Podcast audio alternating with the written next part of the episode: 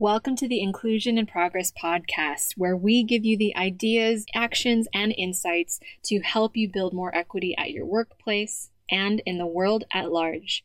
I'm your host, Kay Fabella, international expert on diversity, equity, and inclusion, a Filipino American living in Spain, and your guide in navigating this DEI journey. Having worked with teams at companies such as Philips, the IMF, Red Hat, PepsiCo, and more, I know firsthand that the work of inclusion only works when everyone has a seat at the table. Regardless of your personal entry point into this conversation, your race, ethnicity, gender, ability, age, sexual orientation, country of origin, or educational background, we all have a role to play in creating inclusion for all.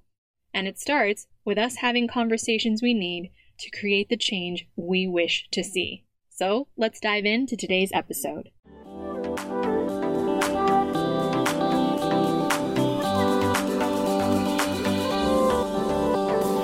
Hello, hello, and welcome back to the show. Now, at the time this episode is scheduled to go out, I am celebrating my last official week in the office, air quotes, before wrapping up for 2020. And what a year it's been.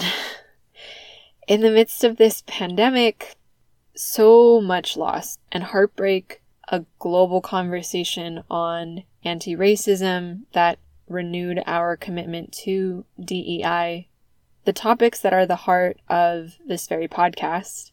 I'm grateful to have spent the past few months learning from and alongside you. Inclusion in Progress is a labor of love, but our show would be nothing without acknowledging a few very important people.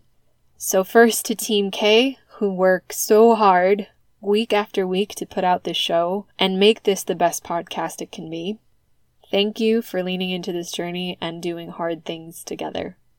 To all our incredible guests leading DEI both within and outside of organizations around the globe for sharing your knowledge and expertise with us. I'm so glad to stand alongside you in this much needed work. To the listeners, turned client partners, the allies, advocates, and underrepresented leaders who've tuned in week after week from over 22 countries. And to the folks who send us messages on LinkedIn and by email, my deepest gratitude. Knowing these conversations and resources make a difference in how you show up and lead and in how you create more equity at work.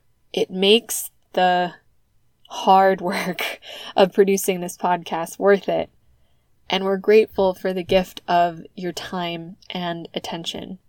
Last but not least, if you haven't already done so, please be sure to subscribe, rate, and leave a review for Inclusion in Progress on iTunes. Reviews help boost our show in the algorithm, which then puts us in front of even more inclusion minded leaders and organizations, and encourages new listeners who can benefit from these resources to tune in. The more people we can impact with these tools and conversations, the closer we get to inclusion in our workplaces. So Gemma left us a review writing, Kay brings so much to each episode, great guests and her own experiences, a truly genuine and amazing individual who's making such an impact in the diversity and inclusion space. Jess, who left us this review, Kay's power of empathy allows her listeners to resonate with the topics addressed, while empowering and representing those voices that need to be heard. This podcast is great for those who have ever felt misrepresented, yet want to be that change agent in their personal or professional life. Keep up the great work. And finally, this review we got from one of our client partners, Jimmy, who wrote, As one of the old white guys in the room, I struggled with my role in drawing attention to diversity, equity, inclusion, and belonging.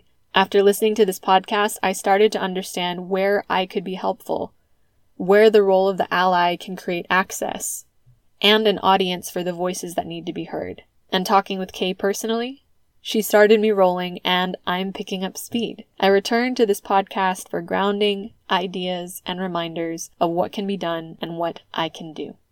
So again, if you haven't already, please head to iTunes, look for Inclusion in Progress in the search bar, and leave us a review like some of the ones that you just heard. Especially if you are a long time listener. We'd very much appreciate it, and we're grateful for those of you who've taken time to leave a review so far. So, I can't believe we're ending 2020, even though it's felt like we've lived 10 lifetimes or more in one year, right? I've often referred to the emotional roller coaster of this year as the seven layer cake of emotions, and I know the same is true for all of us. No one has come out of this year unscathed by the collective grief, loss, and trauma, as well as how it's affecting all of us individually. Now that we're ending the year, I'm in the headspace of reflection, of reviewing what I've learned and what I'll take with me in the years ahead of remembering where I've struggled and where I've had to draw from wells of resilience I didn't know I had, of evaluating what I've seen, what I've learned, what and who we've lost, and how we've all been touched by this strange journey around the sun. And at the same time, as a committed optimist, I think that we can and should find space for gratitude. Despite and perhaps especially when things are challenging.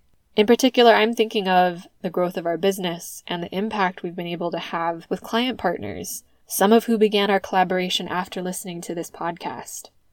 I'm also thinking about how diversity, equity, and inclusion in companies has taken on renewed urgency this year, with more allies and advocates at the table than I've seen since I started. I'm thinking of the many talented practitioners fighting the good fight people that I've come to know, admire, and even collaborate with on occasion, including a few who have been on this very podcast. And even though the inciting events this year of coronavirus and the anti racism movement were rooted in tragedy, I'm thinking about the teams stepping into the arena every day, committing to doing hard things, and designing for greater equity in their companies. So, today's episode is my attempt to capture the reflective headspace I'm in to crystallize these lessons for you as we approach the year's end. It'll be a little different and maybe a little longer than previous episodes, but I think we can only truly move forward by sitting with and understanding the lessons that we're taking with us. So, without further ado, here are my lessons and reflections about diversity, equity, and inclusion at work from the year 2020. So, let's dive in.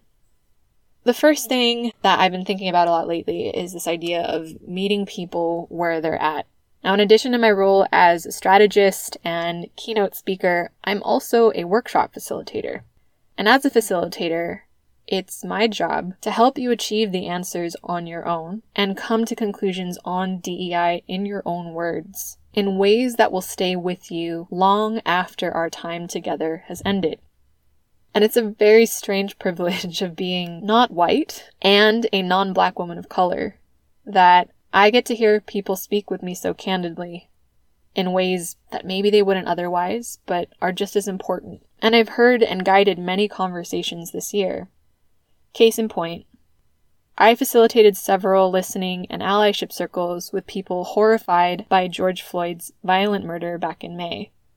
But I also found some of the answers I heard from well meaning individuals to be quite interesting. The reason that I call these listening and allyship circles safe spaces is because I would rather people get it wrong with a facilitator that could gently challenge them rather than getting it wrong outside of a circle that is a safe space by re traumatizing a historically excluded group. Now, bear in mind there might be some triggers here for people listening, so Remember, I've anonymized and tried to amalgamate a couple of different people and participants to, as much as possible, protect them and give you an idea of what exactly I was listening to without trying to paint things in a broad, sweeping way. All right? Now, when I was facilitating these circles, from some of the white allies who were beginning their journey and seeing the effects of systemic racism for the first time, I heard things like, I get he shouldn't have died that way, but if anyone should be the face of this anti racism movement, it should be Breonna Taylor.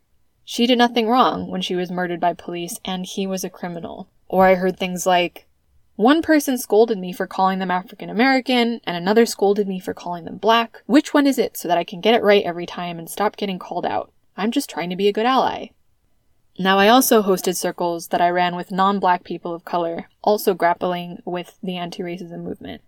And there I heard things like, should you even be facilitating this conversation about anti racism as a non black person? I mean, you're Asian, so you're basically white anyway. Or, I'm a insert race here. There's no way I can be racist towards black people when I experience racism myself. Now, bear in mind, these were things that were said to me at the start of the conversation, not at the end. Which shows you just how far we have to go in changing hearts and minds to create equity at work. Because if these are the entry points that people have about their own levels of bias and privilege, we've first got to increase the awareness and give people a place to actually ask these types of questions instead of avoiding the conversation altogether because they're going to be accused of saying the wrong thing. Now, it's easy to fall victim to cynicism and say, well, why don't you just listen to marginalized groups in the first place? Why did it have to take even more deaths of innocent people for you to wake up to the reality of systemic racism? Or to folks who are just joining this conversation for the first time, why don't you just know this already? Listen, I get it. I share your frustration, as you can tell by my voice. I had to fight my own mixed feelings while continuing to lead this work. Listening to answers like the ones that I've just shared with you here. The anger that you feel, the anger that I feel, it's valid, it's merited, and we have every right to feel this way. But creating inclusion isn't just about one person receiving validation or vindication for their experiences, even when it's been denied over and over by those around them. What inclusion is built on is volume of actions, not just volume of words. We build momentum by encouraging more people to join our movement and commit to affecting change in their daily lives. And we can't achieve this by belittling them or forcing them to sit in the shame of their privilege or indifference, thinking this will magically bring about change. If there was one bright spot in this year, with so many of us forced to shelter in place at home safely, we were also forced to engage in conversations of systemic injustice and inequality, and catapulted out of our comfort zones. Families and friends Coworkers and colleagues alike were forced to reflect and have uncomfortable conversations about bias and privilege. But it's now up to each one of us to turn those conversations into concrete actions for change. To go from where we are to where we want to be in DEI or diversity, equity, and inclusion. We have to meet people where they're at, to invite them to take that next right step. Our job, long after 2020 ends, is to sustain this work, to keep encouraging people to stay engaged and hold one another accountable on the road to equity for all. Now, this one's going to be a tougher one, but the second thing that I want to address in my reflections today is that canceling or calling out won't move the cause forward. I shared quite a few of my thoughts on the idea of cancel culture early on in this podcast, way back in episode four, actually, on wokeness, cancel culture, and inclusion, long before the US based Black Lives Matter movement extended worldwide this year. I've also come to learn, in deepening my own anti racism journey, about the origins of wokeness within the black community and how it became shorthand for solidarity within the BLM social justice movement before it became this fiercely politicized thing and used as a measuring stick by both liberals and conservatives alike. Looking back on the episode now, my thoughts remain largely the same as they were when I first recorded it, and I stand by what I said about cancel culture being more harmful than productive in creating inclusion. Every social justice movement, starts as a disruption of a status quo that prioritizes power over instead of power with.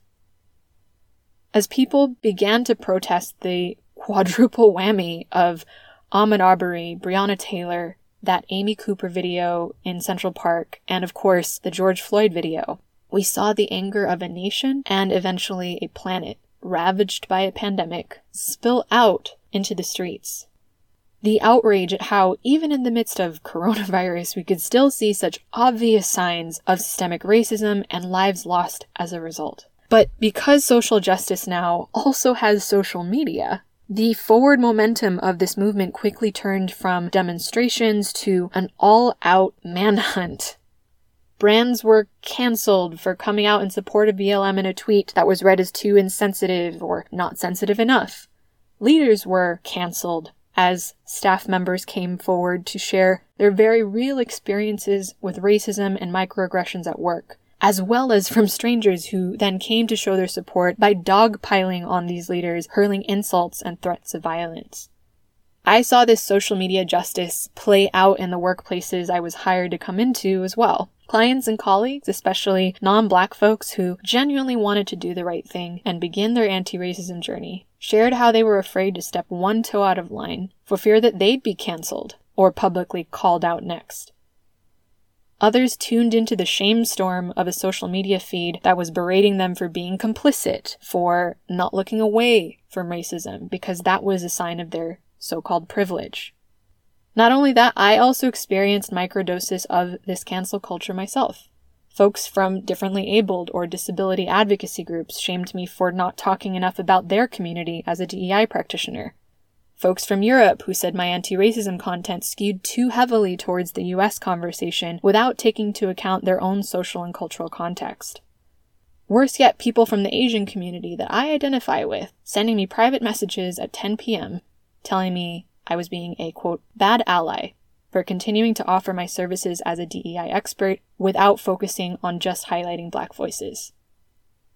Listen, I think social media is a powerful tool for connection and raising awareness of social justice causes. But whereas social justice is focused on putting public pressure on leaders and systems to inspire widespread change, social media justice seems to be more focused on measuring your standard of purity in word, thought, action, and belief against someone else's. A person who wrote this so much better than I could was reproductive justice theory expert and black feminist Loretta Ross in her New York Times article back in August 2019. She wrote, we can build restorative justice processes to hold the stories of the accusers and the accused and work together to ascertain harm and achieve justice without seeing anyone as disposable people and violating their human rights or right to due process.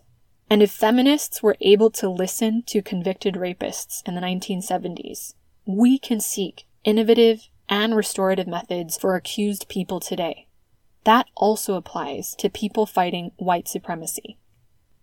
Loretta Ross goes further to say, callouts are justified to challenge provocateurs who deliberately hurt others, or for powerful people beyond our reach. Effectively criticizing such people is an important tactic for achieving justice.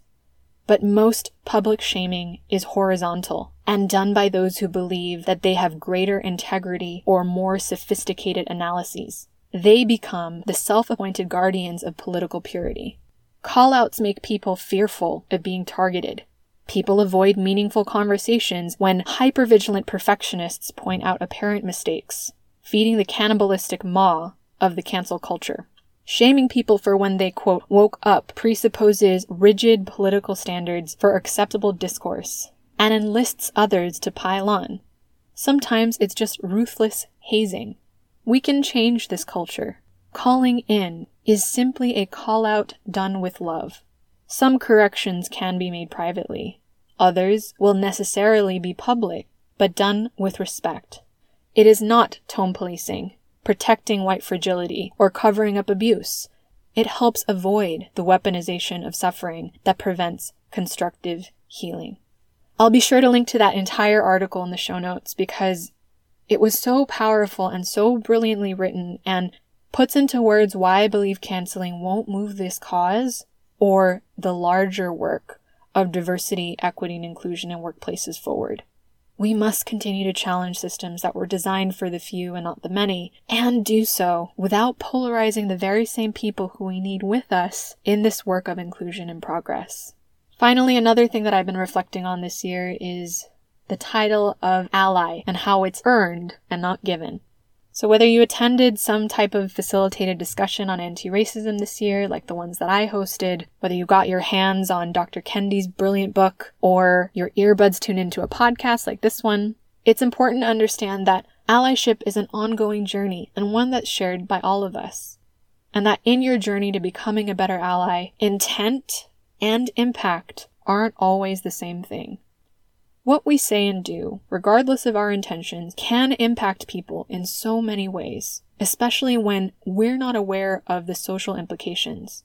Microactions and decisions all build up over time, and all of them can either bring us closer towards interpersonal trust or further away from it. The goal of diversity, equity, and inclusion isn't to have some sort of kumbaya like harmony every day all the time. The goal is and should be striving towards compassionate collision. We will collide because we are human beings, but we can collide in a way that moves away from outdated binaries and towards accelerated understanding. So here's what to do when you find yourself colliding with someone on your allyship journey. So, for those of us with good intentions who have inadvertently caused harm to someone, we have to remember we cannot dictate how someone will react to our responses. Every one of us reacts to the world differently based on our social identities. For my mostly straight, able bodied, cisgender, white, or white passing friends who are eager to continue their role as allies and advocates at work, remember that no historically excluded group is a monolith. There are no hard and fast rules about how to talk to people based on their racial, ethnic, gender, or social background. If one person tells you, for example, they prefer to be called Hispanic, and another person tells you they go by Latinx, embrace this as a teachable moment. One that adds more subtlety and nuance to your capacity for understanding, rather than forcing you to give up at the first sign that you got it wrong. If we've offended someone, our immediate reaction shouldn't be to armor up and double down. Challenge brings change if we let it, and it makes us better colleagues and leaders. Lastly, remember that genuine listening and a willingness to apologize and own your mistake doesn't make you a bad person. Forgive yourself for not knowing. When you know better, commit to doing better next time with the lesson you've learned from that collision. Now, for those of us who are impacted or on the receiving end of exclusionary behavior, remember one of my favorite mantras budget your outrage. Every day this year, if I wanted to, I could have gone looking for confirmation that the world was ugly or hurtful. That applied to the media I consumed as well as my day to day interactions. I've already shared in our 2020 white paper on the future of work culture, which you can download at our website, how I experienced pandemic motivated xenophobia, as someone Spaniards physically identify as Chinese. But if I got angry at every one of these injustices, real or perceived, macro or micro, I would be unable to sustain myself in this work. So if someone has hurt you, as long as they aren't threatening you with physical violence or severe psychological harm, ask for clarification or repeat what you heard before responding. It can be obvious when someone explicitly and intentionally says or does something harmful. Other times, what's being said or done isn't as clear to you or the other person. If you have the mental and emotional energy, it can be helpful to clarify what someone is trying to say. This can provide an opportunity for the person to realize that they might have said something inappropriate, or allow you to understand where they're actually coming from. From there, you can think about how you want to respond. Another thing to remember is if you are in a marginalized or underrepresented group, we can't expect to disrupt a long held system of inequality using the same binary power dynamic playbook that's held our own communities back. As Audre Lorde wrote, the master's tools will never dismantle the master's house. As tempting as it is, let's move away from these us versus them narratives of racism, supremacy, and patriarchy, and remember it's not just about what we gain, but rather what we all gain if we're all at the table working together to dismantle these long held systems. So there you have it. Those are my top reflections on diversity, equity, and inclusion from 2020. So I'd love to hear from you. Now, this is not really a typical episode, so this is an ongoing dialogue. Would you agree with this list? What resonated with you most? Even what would you add? As always, Team Kay and I would love to hear from you, so feel free to reach out to us by sending us an email at info at kayfabella, that's K-A-Y, F as in Frank, A, B as in boy, E-L-L-A dot com. From our family to yours, we're wishing you a wonderful holiday season with loved ones, however you're able to celebrate this year. So, without further ado, I'll see you back here next week for another episode of Inclusion in Progress. And until then, be well, take care, and I'll see you soon.